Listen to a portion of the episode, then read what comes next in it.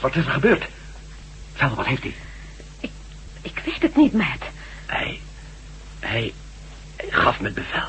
Wie? Vertel op, vlug. De patiënt.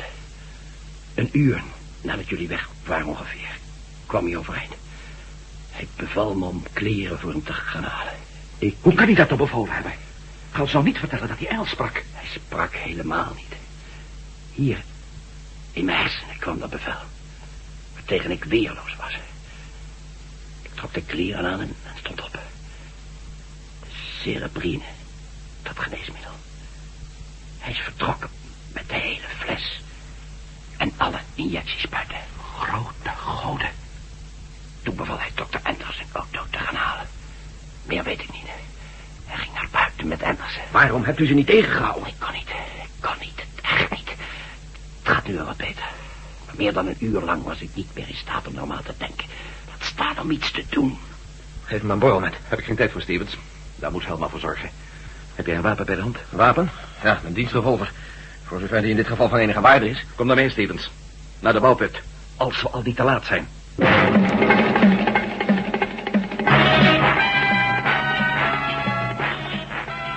De Tunnel der Duisternis.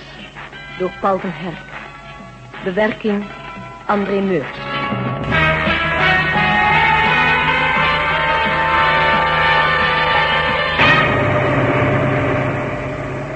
Wie had dat nou kunnen vermoeden, verdomme?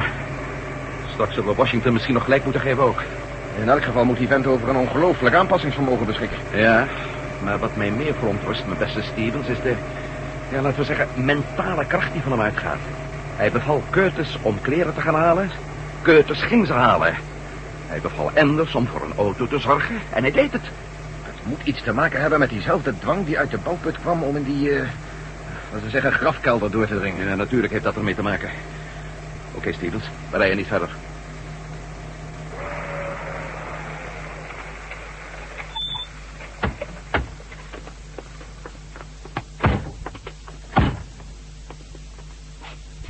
Ik had hier twee mannen vaststaan.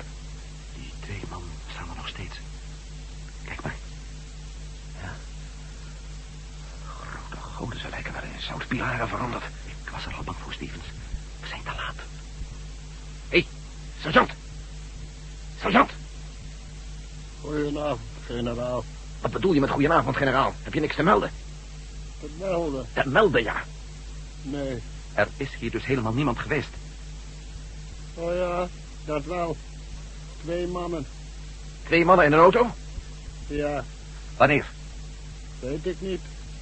Ik heb niet op mijn horloge gekeken. Wat? Waarom niet? Ze zeiden dat ik helemaal niets moest doen. Dus doe ik helemaal niets. Kreeg je het bevel om niets te doen? Ja, Ik zei het al, Stevens. We hebben hier te maken met een macht die sterker is dan onze. Laten we deze twee hier maar vergeten en naar de bouwput toe gaan. En wel zo geruisloos als we maar kunnen.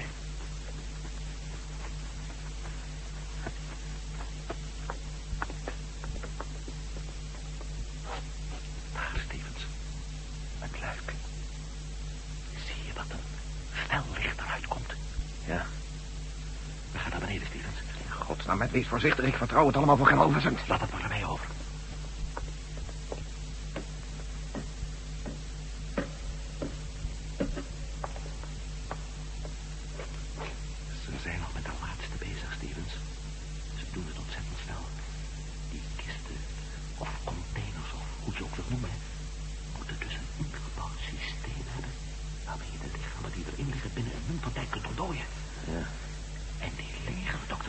Anders, ja.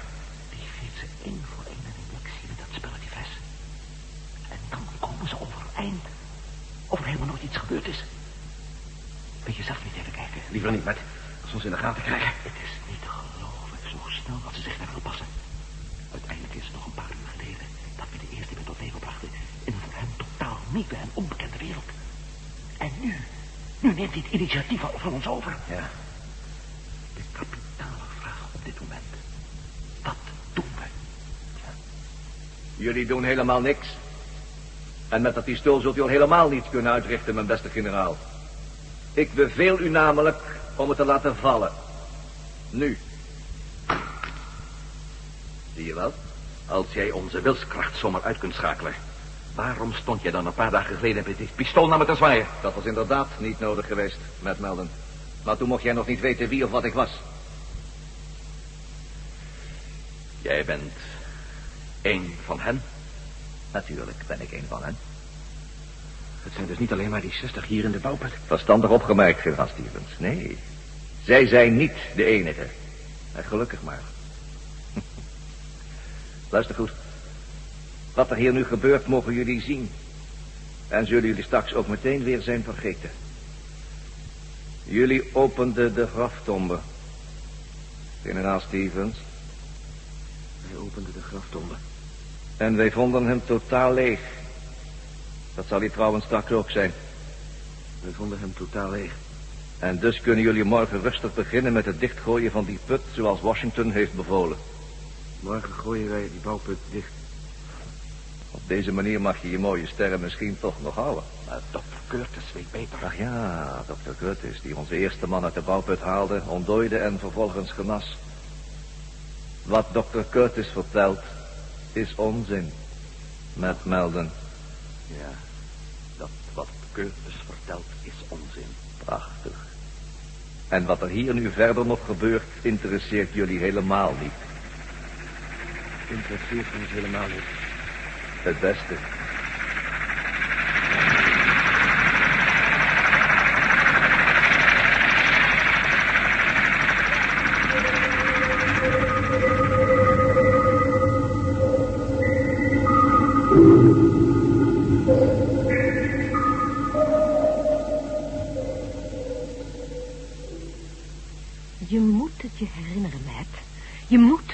Niets gebeurd, Vel. Helemaal niets. Niet waar, Stevens? Nee, niets. Jullie leiden aan zinsbegoocheling, beste mensen. Jullie proberen me toch niet wijs te maken dat die graftombe niet leeg was. Kom nou alsjeblieft, ik heb het met mijn eigen ogen gezien. Generaal Stevens, luister goed. Ik ben jullie gevolgd. We kwamen uit dat ding. Allemaal. Tientallen. Toen landden er een paar helikopters. Oh, goeie god, jullie zaten er met je neus bovenop. Jullie moeten zelfs de registratieletters hebben kunnen lezen. Sorry, Jullie sluiten toch niet de mogelijkheid uit dat er inderdaad wel iets is gebeurd... maar dat ze jullie dood eenvoudig bevolen hebben om alles te vergeten. Dat is heel goed mogelijk, ja. Goed. Dan gaan we samen proberen alles te reconstrueren. Het zal veel inspanning van jullie vergen, maar je mag één ding niet vergeten. En dat is? Dat jullie morgenochtend naar Washington moeten. Dat jullie een bespreking hebben met de minister. En zoals jullie er nu aan toe zijn... We zullen echt ons best doen, Vel. Ik geef jullie eerst een injectie die het onderbewustzijn wat toegankelijker maakt. Het is namelijk mogelijk dat de herinnering niet helemaal is weggevaagd, maar alleen maar is verdrongen. Ja, ik snap wat je bedoelt. Nou, vooruit, begin maar te prikken. Als u uw mouw even omhoog doet, generaal... Wedden dat dat Washington is? Zal ik hem maar aannemen, generaal? Ja, doe dat maar. Hallo, generaal Stevens? Ik kan u zo met generaal Stevens doorverbinden, meneer. Wie kan ik zeggen? Wie ik het zeggen? Dat weet hij zelf verdomde goed. Neem dat van mij aan. Dat kan best zijn, meneer, maar toch moet ik u wel vragen... Oké, oké. Connolly, minister van Defensie, als jou dat wat zegt. En geen van de generaal. Een ogenblikje, alstublieft. Generaal, voor u. De minister. Ook dat nog. Nou, geef maar hier. Hallo, met Stevens. Stevens, verdomde brokkenmaker. Meneer de minister. Je hebt de boel weer fijn in de soep gedraaid, hè? Ze zijn weg. Alles wat er nu verder nog gebeurt, komt op jouw botterkop terecht. Begrijp je dat goed? Het spijt me, excellentie, maar... Het mag jou spijten zoveel als het jou belieft. Maar morgen verwacht ik je op mijn bureau voor 20 om 9 uur precies. En neem die dolgeworden raddraaien van een met Melden ook meteen maar mee. Jawel, excellentie. En zorg maar dat je je verhaaltje klaar hebt. En? Nou, die had goed de pest in. Morgenochtend om negen uur op het Pentagon. Hij was zo hard aan de brullen, Stevens, dat we het woord voor woord konden verstaan. Generaal Stevens, houdt u nou nog vol dat er helemaal niets gebeurd is? Nee, nee, dat lijkt me niet. Aan de slag dan maar, Vel. Probeer zoveel mogelijk uit ons onderbewustzijn te wringen. En als het je niet lukt, vertel het ons maar. We geloven je onvoorwaardelijk.